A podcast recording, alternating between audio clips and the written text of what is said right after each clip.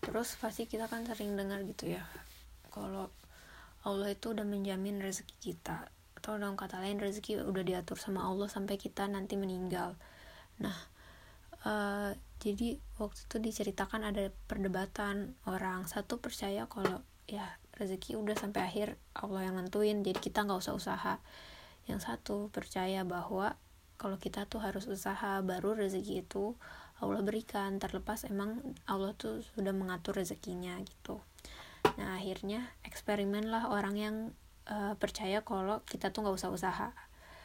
Nah jadi ceritanya tuh lagi di masjid gitu uh, kan kayak ada pembagian makanan gitu ya tiap hari. Nah dia itu milih buat nyumput saat orang-orang bagi-bagi makanan.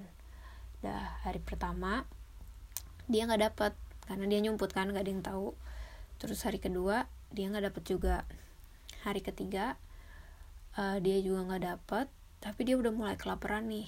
Terus akhirnya tuh dia dengar uh, kayak pas yang pembagi makanannya tuh nanya uh, ada lagi nggak jamaah yang harus dibagiin? Kayak gitu. Uh, kalau nggak saya mau ngasih ke orang lain nih di tempat lain itu terus uh, udah gak kuat kan si yang apa yang nggak mau usaha itu. Akhirnya dia kode-kode dia kayak gitu.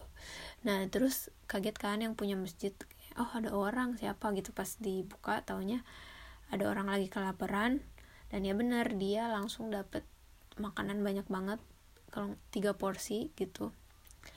Dan ya uh, terus dia ngerasa kayak tuh kan gak usah ngapa-ngapain dapet itu. Tapi temennya tuh ngebalikin ya itu kamu usaha loh kamu yang dengan aham-aham itu nah karena itulah kamu dapet kan. Kalau enggak ya nggak akan dapet sama sekali gitu. Nah jadi intinya Allah tuh emang nyaranin kita untuk usaha kerja ataupun intinya bergerak. Dalam kata lain gak diem. Kalau kita punya tujuan atau cita-cita atau apa pun yang pengen kita raih gitu